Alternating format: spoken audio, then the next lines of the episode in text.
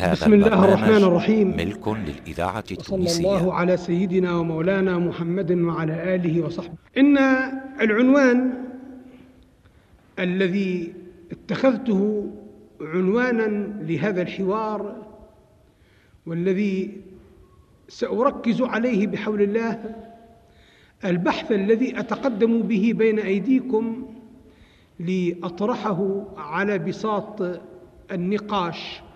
والمجادلة حتى تتبين الحقيقة من خلال المناقشات. والحقيقة بنت البحث إنما يعتبر في الحقيقة عنوانا غريبا وغريبا جدا لأن السؤال بذاته يعتبر أمرا مستغربا مستنكرا لأن السؤال عن الأشياء التي يعتبرها المستمع للسؤال ثابتة لا ريب فيها ولا محل للجدال حولها. يعتبر السؤال عنها تحديا أو تجاهلا غير محمود. وكأني أشعر بأن كل من اطلع على هذا السؤال الذي وضعته عنوانا لهذا الحديث وهو هل لنا مشاكل إسلامية؟ سيجيب أفي الله شك. متى كانت المشاكل الإسلامية؟ بمحل شك أو محل تردد حتى يسأل عنها. وأن الذي يطلع على هذا السؤال لا يشعر بأن المشاكل الإسلامية. إذا كان هناك شيء تتجاوزه فإنها تتجاوز الحصر وتتجاوز العد بحيث لا يمكن أن يفرض ابتداء أنها محل للتساؤل.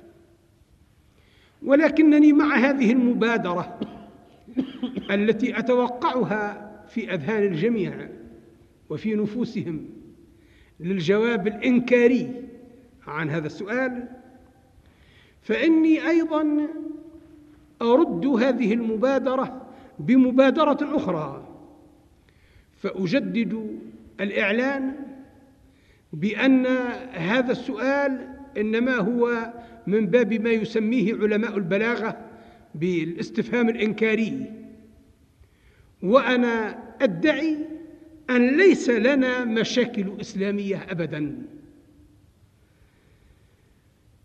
وذلك لأنني أعلم أن المسائل التي تملأ أذهاننا جميعا والتي تعتبر مشاكل إسلامية هي التي إذا حللت ووضعت وضعها الحقيقي الدقيق فإنه يتبين بعد تحليلها وحسن وضعها أنها ليست في مشاكل ليست مشاكل في ذاتها. لا شك أنكم تنظرون إلى تلك القائمة الطويلة العريضة التي لا تشتمل إلا على مثل فقط. من المشاكل التي تعتبر مشاكل عويصة في يومنا الحاضر في العالم الإسلامي والتي ترجع إلى نواح مختلفة متعددة فمنها ما يرجع إلى نظام الحكم وأصوله مثل مشكلة الخلافة ومشكلة مختلف النظم التي تقوم عليها الأوضاع السياسية والاجتماعية. من الديمقراطية والاشتراكية والرأسمالية ومن الدولة اللايكية والدولة التي دينها الإسلام ومن مشكلة غير المسلمين في الدولة الإسلامية. إلى غير ذلك من مشاكل عديدة ترجع إلى أصول نظام الحكم. ومشاكل ترجع إلى النواحي الاقتصادية والاجتماعية مثل مشكلة الربا والمعاملات البنكية ومشكلة التأمين ومشكلة تحديد النسل ومشكلة الضرائب وغيرها. ومشاكل ترجع إلى العادات الدينية مثل مسائل اللحوم والذكاة ومسائل الأشربة ومسائل لبس القبعة وغيرها من المشكلات التي اعتبرت مشكلات من من أول هذا العصر أو من أواخر العصر الماضي. بل حتى هناك مسائل ترجع إلى العبادات.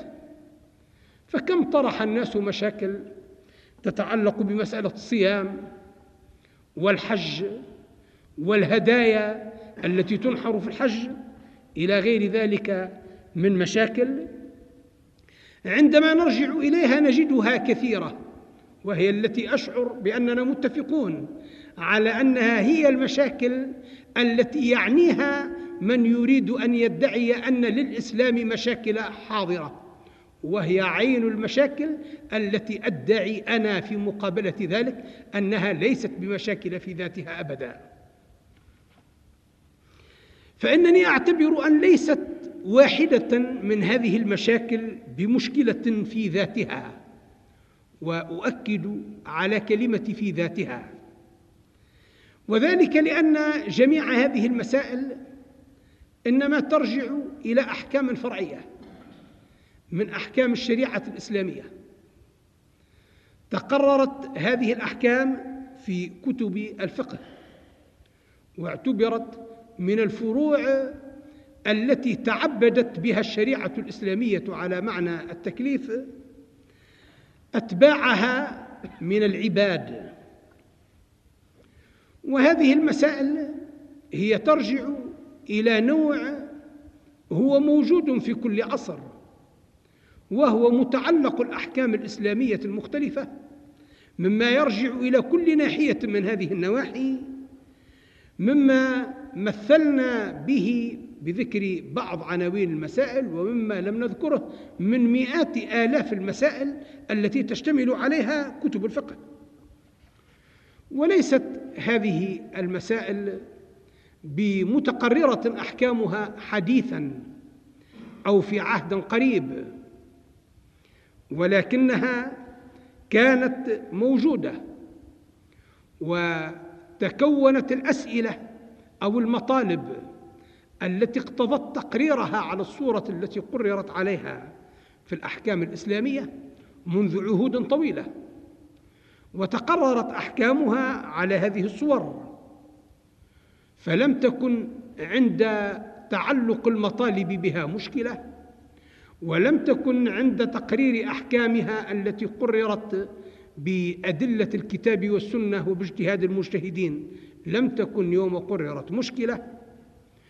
ودامت بعد ذلك طويلا وهي غير مشكلة ولكنها صارت مشكلة وطرأ عليها الإشكال في العصر الحاضر.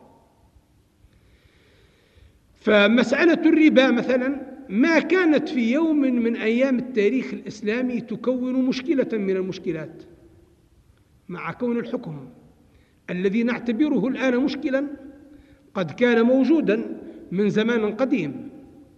ولكن الإشكال هو الذي طرأ عليه طروءا وحدث في العصر الحاضر.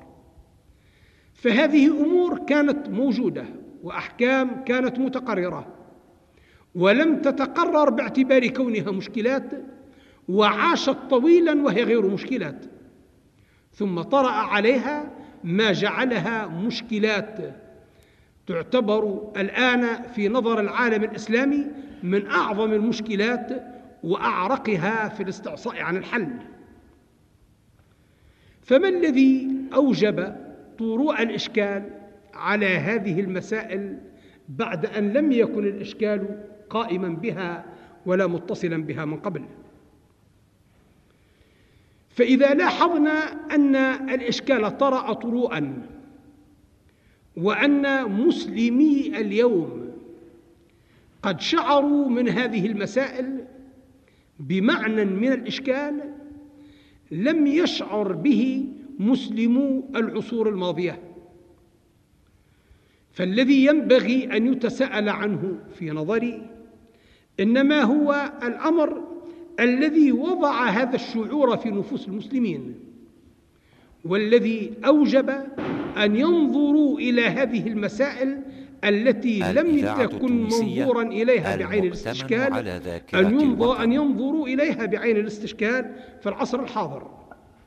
فالسؤال الذي أقدمه بين يدي الموضوع حتى أتوصل إلى تحليل وضع هذه المشاكل على الصورة التي أراها والتي أقدمها للبحث والمناقشة هو ما الذي وضع هذا الشعور بإشكال هذه المسائل في نفوس المسلمين بعد أن لم يكن موجودا من قديم. ونحن لا محالة حين نعد هذه المشاكل إنما نعد مشاكل معتبرة. ونعد مشاكل يعتبر من المكابرة أن ننكر كونها الآن موضوعة بوضع الإشكال. ولكن الذي أنكره أن يكون الإشكال لها وصفا ذاتيا والذي أحاول أن أثبته أن الإشكال إنما هو أمر عرض لها من حالة طرأت على نفوس المسلمين أوجبت أن ينظروا إليها بعين الاستشكال.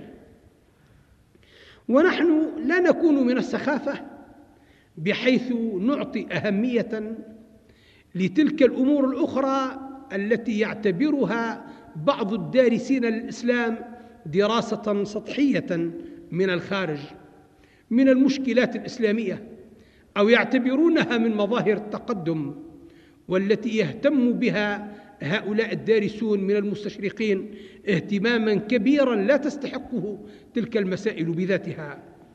من مسألة استعمال المجهر مكبر الصوت في إذاعة الخطب الجماعية وفي قراءة القرآن أو قراءة القرآن في المذياع أو مسائل بسيطة من قبلها اعتبروها كذلك من الأمور المقتضية للنظر مثل أكل بعض المصنوعات الأوروبوية ومنها الشوكولاتة أو ركوب القطار أو ركوب الطائرة إلى غير ذلك. وهي أمور يعتبرها كثير من المستشرقين من أمثال جودفرا مومبين وماسي أمورا من مظاهر التطور الإسلامي.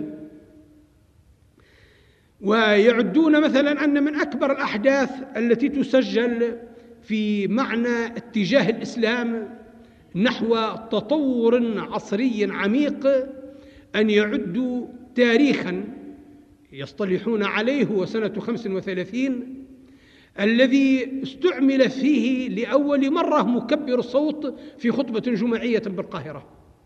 هذه ليست من الأمور التي نعتبرها من المشاكل أو نعتبرها من مظاهر التقدم أو التأخر.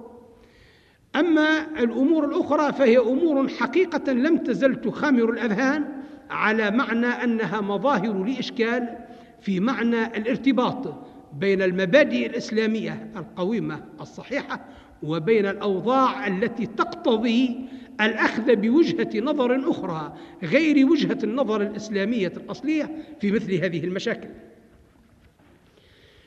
فنحن لا نعتبر مشاكل ذاتية للإسلام قائمة بالإسلام في ذاته إلا أن تكون مشاكل تولدت بما أظهر العصر الحاضر من الحقائق الطبيعية أو كونت البحوث الحاضرة من المدارك العقلية بصورة أتت مناقضة للإسلام فيما اكتشف من الحقائق الطبيعية أو فيما برز من المدارك العقلية. وهذه محاولات أعتبرها محاولات قديمة مدحوظة. هي المحاولات التي تصدى لها المدافعون عن الإسلام في أوائل هذا القرن مثل انتصاب الشيخ محمد عبده للرد على الفيلسوفين الفرنسيين إرنست رينان وجابرييل هانوتو في ردوده المشهورة فيما يرجع إلى آه، عدم التنافي بين الإسلام والمدنية أو عدم التنافي بين الإسلام وبين العلوم الطبيعية والعلوم العقلية بصورة أصبحت معها هذه النظريات. مدحوظة الآن وأصبحت من المشاكل التي لا تقوم في ذهن المسلمين بل في ذهن غير المسلمين أيضا. فحينئذ ما الذي أوجب أن ينظر المسلمون إلى مشكلات في العصر الحاضر لم يكونوا يعتبرونها في القرون الماضية مشكلات؟ لا شك أن هذا إنما يرجع بنا إلى التساؤل عن العصر الحاضر وما فيه. تعرفون حضراتكم أن العصر الحاضر إنما يعنى به فترتان من التاريخ. هما فترة التاريخ الحديث الذي يبتدئ من منتصف القرن التاسع هجريا يعني من فتح القسطنطينية ثم دور التاريخ المعاصر الذي يبتدئ من الحرب العالمية الأولى. فإذا نحن نظرنا إلى ابتداء التاريخ الحديث ونظرنا إلى ما قابل دخول المسلمين لقسطنطينية من بدو مظاهر النهضة الأوروبوية وابتداء مساجلة المواقع بين الإسلام وبين الغرب فاعتبرنا سلسلة الأحداث الكبرى التي توالت بعد امتلاك المسلمين لقسطنطينية من سقوط الأندلس وابتداء تسرب النفوذ الغربي إلى الشرق بتأسيس الشركات الاستعمارية أولا شركة الهند وشركة الشرق. ثم ما بدأ يظهر في العالم الإسلامي منذ القرن العاشر من ظهور الشعور بالنقص. وما بدأ يقارن ذلك من أحداث من استيلاء الإسبان على سواحل المغرب العربي واستيلاء البرتقيز على جزر الهند الشرقية. وهي مظاهر بدأ المسلمون معها يحسون بأنهم قد أصبحوا بحالة من الحطيطة والهضيمة بالنسبة إلى ما كانوا عليه من قبل. ولسنا متوقفين على أن ننظر إلى هذا المظهر من الشعور بالنقص. في القرن العاشر فقد ابتدأ ابن خلدون منذ أواخر القرن الثامن وأوائل القرن التاسع يتشكى من هذه المظاهر التي يسميها تقلص ظل العمران وركود ريح العلم والحضارة وما يقابل به ذلك من شعور بمبادئ النهضة في أوروبا وابتداء إقبالهم على دراسات العلوم العقلية والعلوم الطبيعية إلى غير ذلك. فهذا المعنى الذي بدأ الشعور به من قبل فتح قسطنطينية. ثم استمر واستفحل في القرن العاشر هو الذي أصبح الما ملحا مقضقضا في القرن الحادي عشر. وجاء القرن الثاني عشر فجاء قرن الشعور بأن الإسلام إنما أصبح في حالة التدلي والانطواء والركود بصورة بارز معها الشعور المزدوج الذي يرجع أولا إلى شعور المسلمين بانحطاط فيهم بالنسبة إلى موقف الأمة من دينها. وإلى شعور آخر هو الشعور الثاني وهو شعورها بانحطاط نسبة موقف الأمة من غيرها. فأتى القرن الماضي وهو القرن الثالث عشر داخلا على هذين الشعورين وهما الشعور بانحطاط نسبة الأمة من دينها والشعور بانحطاط نسبة الأمة من غيرها. وأخذ هذان الشعوران يتفاعلان حتى اندمج أحدهما في الآخر. وطغى الثاني منهما وهو شعور الأمة بانحطاط نسبتها من غيرها على الأول الذي هو شعورها بانحطاط نسبتها من دينها بما أعان على طغيان هذا الشعور الثاني من مظهره المادي. فاتجهت إلى هذا الشعور الثاني محاولات الإصلاح الأولى وابتدأت محاولة الاقتباس عن الغرب على نية أن نبلغ درجته ونلتحق بمستواه. فاقتبست القوانين وقلدت الصناعات واقتبس نظام التعليم واقتبس النظام العسكري. ولكن جميع ذلك أظهر عدم الجدوى. فالقوانين ما زادت على الأوضاع المختلة التي كانت من قبل من العبث بمصالح الأمة إلا استمرارا في ذلك العبث وتوغلا فيه مع زيادة العبث بشعورها لأنها من قبل كانت تظلم بقانون هي تدين به فأصبحت تظلم وتضطهد بقوانين لا تؤمن بأصولها ولا بشرعيتها. والصناعات المقتبسة من أوروبا قد كانت كذلك مجلبة للخيبة والإفلاس والاضطراب الاقتصادي لأن عناصر التصنيع الذاكرة الحقيقة إنما كانت أجنبية دخيلة على البلاد الإسلامية في عقولها وآلاتها ورؤوس أموالها. والمدارس كذلك. لم تحدث إلا انفصالا للمتعلمين عن البيئة التي نشأوا فيها وازدراء منهم بالأمة وأنفة من أن يتصلوا بجماهيرها أو أن يختلطوا بها. والنظم العسكرية التي اقتبست عن أوروبا كذلك. لم تصحبها إلا الهزائم التي لم يتقدم لها مثيل في تاريخ العالم الإسلامي. وعلى هذه الأوضاع جاء القرن الحاضر. فاستهل هذا القرن بالدعوة إلى إحياء الإسلام وهي الدعوة التي أعلنها في أواخر القرن الماضي وأوائل القرن الحاضر السيد جمال الدين الأفغاني. ويومئذ برز الشعور بالمعنى الأول وهو معنى انحطاط نسبة الأمة من دينها. ومضى السيد جمال الدين متحرقا مغموما مكمودا وقام من بعده خليفته الأستاذ الإمام الشيخ محمد عبده يحاول أن يشرح الفكرة التي دعا إليها جمال الدين الأفغاني. فأقام شرحه على نظرية الجمود وبين أن الإسلام سليم ولكنه جامد فهو لا يطلب تجديدا ولكنه يطلب إيقاظا وتحريكا. واتجه الشيخ محمد عبده إلى العمل على تأليف الدين مع الحياتين العلمية والعملية اللتين طلع بهما على العالم الإسلامي القرن الثالث عشر. وهنالك بدأ الشعور الأول وهو شعور الأمة بانحطاطها بالنسبة إلى دينها بدأ يتلاشى من جديد.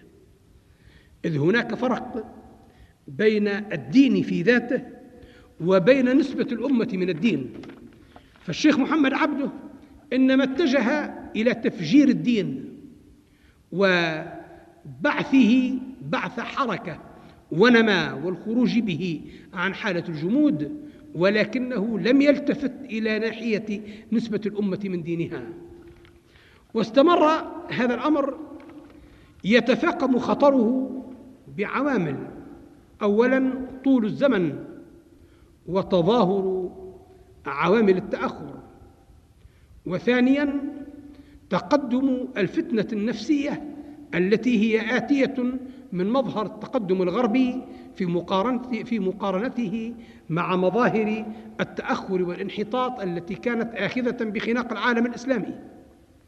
ثم ارتماء الشعور القومي في معارك التحرير بصورة جعلت الالتفات إلى النواحي النظرية من مقومات المشاكل الاجتماعية والذهنية التي تمس حياة الأمة الإسلامية أمرا محدودا جدا.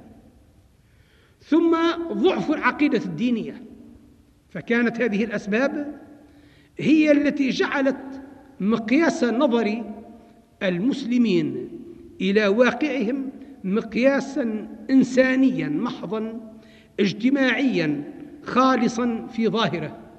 ليس مشتملا على معنى من الالتفات إلى الشعور الديني الذي هو منحط انحطاطا واضحا بالنسبة لما كان عليه من قبل.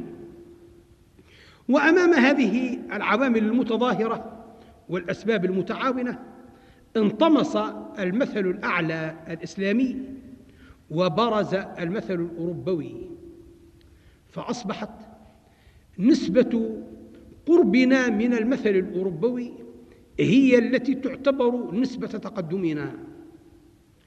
واتخذت هذه النسبة مقياسا حتى للدفاع عن ماضينا. فأصبحنا لا نتيه من الماضي ولا نتفاخر إلا بما يعتبر مقبولا في المقاييس العقلية الأوروبوية. فأصبحنا مثلا نفتخر باكتشافات كبراء الأطباء وبمنزلة علماء العلوم الكونية والطبيعية.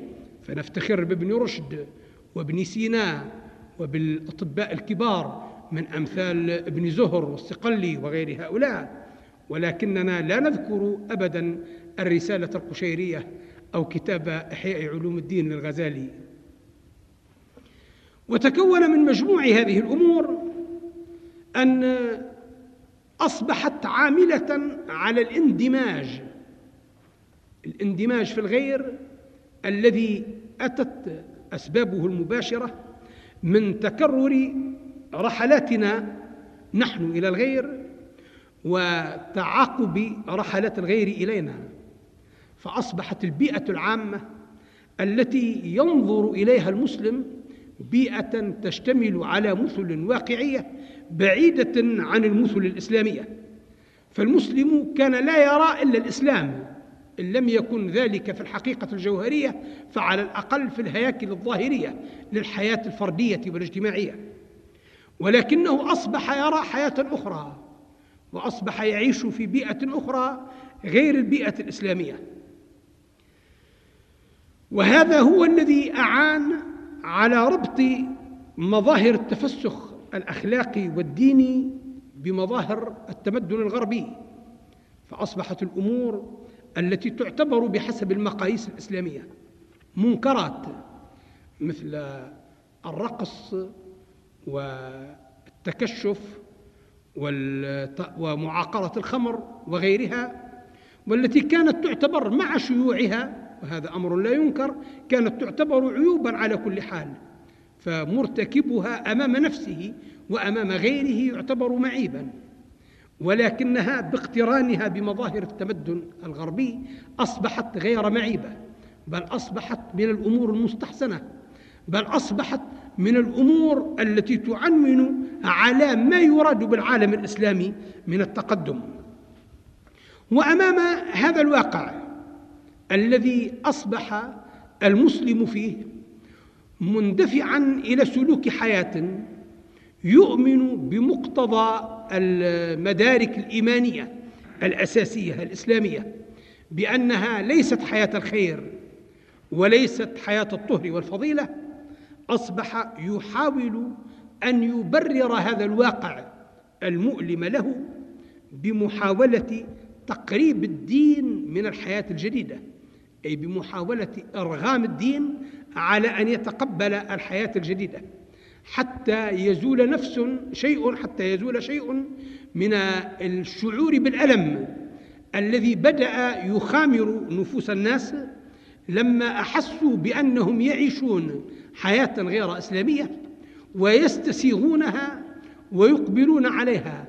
فأحبوا أن يطمئنوا في النهاية إلى أن ليس لهم مانع من الألم النفسي أو من وخز الضمير الباطني الديني يمنعهم من الاسترسال في هذه الصور من الحياة. فأقبلوا حينئذ على إقامة حياتهم التي سموها حياة جديدة على أصول التقليد الغربي. تقليدا بدا في التعليم وفي القوانين وفي النظم إلى آخره. وكلما وجدوا شيئا من ذلك. يتعارض في شعورهم مع المعاني الدينية التي يتعلقون بها تعلقا عاطفيا. على الأقل فإنهم يحاولون أن يجعلوا من الدين من يجعل من الدين مساغا يمكن أن يقبل فيه مجرى هذه الأمور التي هم منقادون إليها بدوافع ترجع إلى العوامل التي أسلفنا بيانها. فتكون من هذه الحالة اضطراب نفساني عجيب هو الإشكال الحقيقي وهو الذي جعل هذه المشكلات مشكلات لأن المسلم أصبح متجاذبا بين موقفين هل هو آخذ بالإسلام؟ فلماذا لا يعمل به؟ أو هو تارك للإسلام فلماذا يتعلق به انتسابا؟ والحال أنه لا يستطيع أن يطمئن إلى هذا ولا إلى ذاك ولا أن يعتمد على هذا ولا على ذاك فهو مندفع إلى أن يترك مبادئ الإسلام وتوجيهاته لأنه مورط في الحياة التي تتابعت الأسباب المباشرة على جعله مورطا فيها. وهو لا يستطيع أن ينزع نفسه عن الإسلام نزعا باتا فوقع في هذه الحالة التي ليست إلا حالة ذبذبة.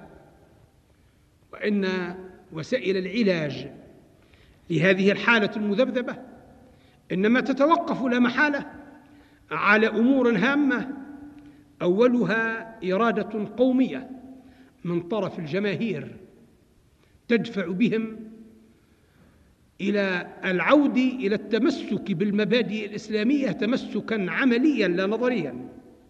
والأمر الثاني هو تكوين خلق استقلالي في المسلم يستطيع به أن يتحدى العوامل التي تدفع به إلى أن يتعلق بالحياة الغربية تعلق التقليد والاقتباس.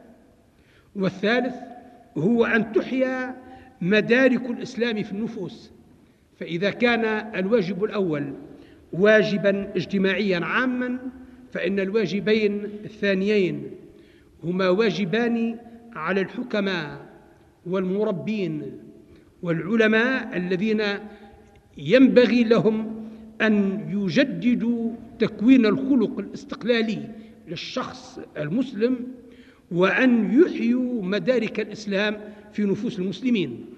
وذلك إنما يعتمد على تجديد في مناهج التربية القومية وتجديد في مناهج التكوين الفكري. فهنالك يتضح أن الصور التي كنا نراها لازمة لبعض أوضاع الحياة. والتي كنا نعتبر من لزومها من جهة ومن عدم استساغتنا لها استساغة كاملة بالمقاييس الإسلامية ما يكون هذه المشكلات. فهنالك يتجدد التفكير الإسلامي بتقويم الشخصية الإسلامية على أصولها الذاتية كما يدعو إلى ذلك محمد إقبال. وتوضع المدارك الإسلامية فوق المدارك المعارضة لها كما يدعو إلى ذلك سيد قطب وتوضع النظم المستمدة من الإسلام موضع النظم المستمدة من الحياة الخارجية فتكون مقبولة سائغة عند المسلمين باعتبار أن الفكر الإسلامي تجدد وأن المدارك الإسلامية قد وضعت فوق المدارك المعارضة. فهذا ملخص النظرية التي أعرضها على حضرتكم